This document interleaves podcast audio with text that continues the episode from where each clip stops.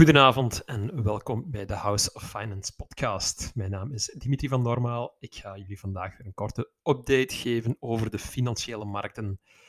En die kleurden eigenlijk vandaag voor het grootste gedeelte van de dag groen.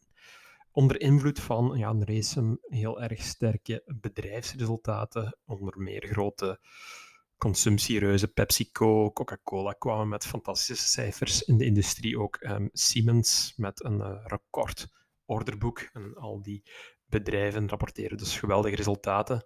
Gisteravond hadden we ook cijfers van twee Amerikaanse grote mastodonten. De eerste waar ik het even kort over wil hebben is Disney, bekend uiteraard bij iedereen. En Disney ziet ehm, positieve evolutie in hun cijfers, en voornamelijk onder invloed van twee zaken.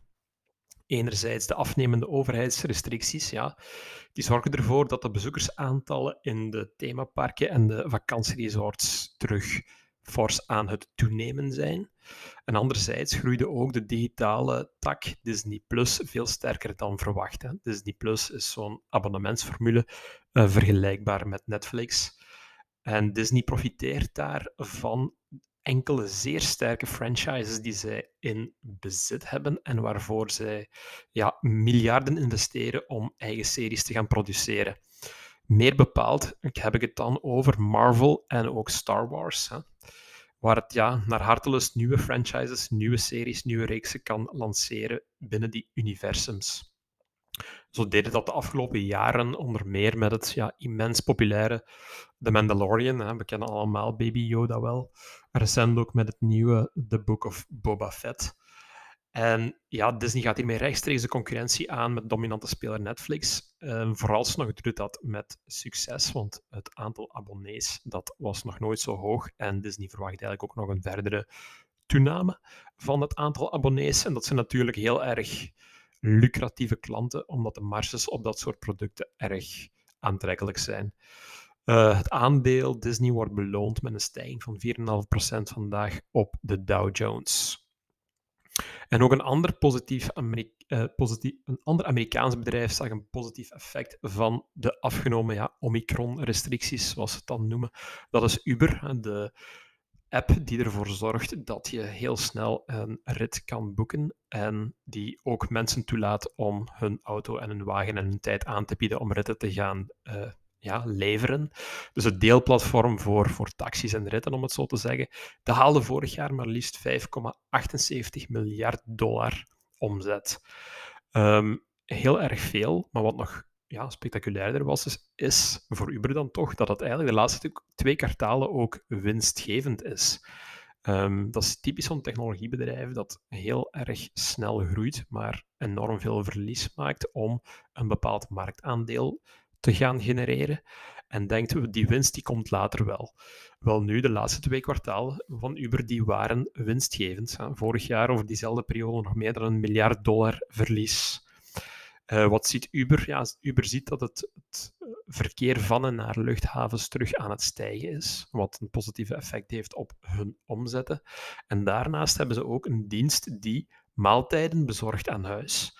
En die was vorig jaar zelfs groter dan die van de traditionele taxiritten. Dat is de divisie Uber Eats, hè, waarbij je dus letterlijk eten kan bestellen dat voor je deur wordt afgezet. Groter dus dan de traditionele taxiritten.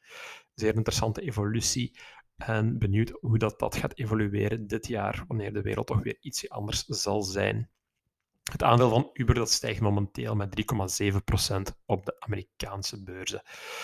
En ja, er is, zoals ik zei, de tendens op de beurs die waren positief tot rond een uur of drie het Amerikaanse inflatiecijfer bekend werd gemaakt. En dat was weer wederom boven de verwachtingen. De verwachting was 7,3 procent, maar dus de Amerikaanse inflatie is in januari gestegen tot 7,5 procent. Uh, astronomische inflatiecijfers. En ja, die wakker natuurlijk de vrees aan dat de Amerikaanse centrale bank het monetaire beleid nog wat meer gaat verstrakken. Hè? Dus dat ze hun, de, af, de aankoop aankopen van hun obligatieprogramma wat sneller zullen gaan reduceren en de korte termijnrente zullen verhogen. En uh, dat heeft het effect dat de Amerikaanse rente al een beetje daar voorop loopt en de lange termijnrente voor het eerst sinds lang boven de 2% staat. Dus de Amerikaanse rente op 10 jaar boven de 2%. En dat heeft dan weer een negatief gevolg op de beurskoersen van vooral de Amerikaanse technologiewaarden. Want een stijgende rente, dat maakt dat die hun toekomstige cashflows iets minder waard zijn en dat die aandelen vandaag dus lager gewaardeerd worden. Heel erg interessant om te zien um, wat er gaat gebeuren weer uh, hier met het nieuwe cijfer, 7,5%. Dat is ongelooflijk. Dus erg benieuwd wat de beleidsmakers daarmee zullen gaan aanvangen. Zo, dat was de update voor vanavond. Ik wens jullie nog een heel erg prettige avond toe. Tot later.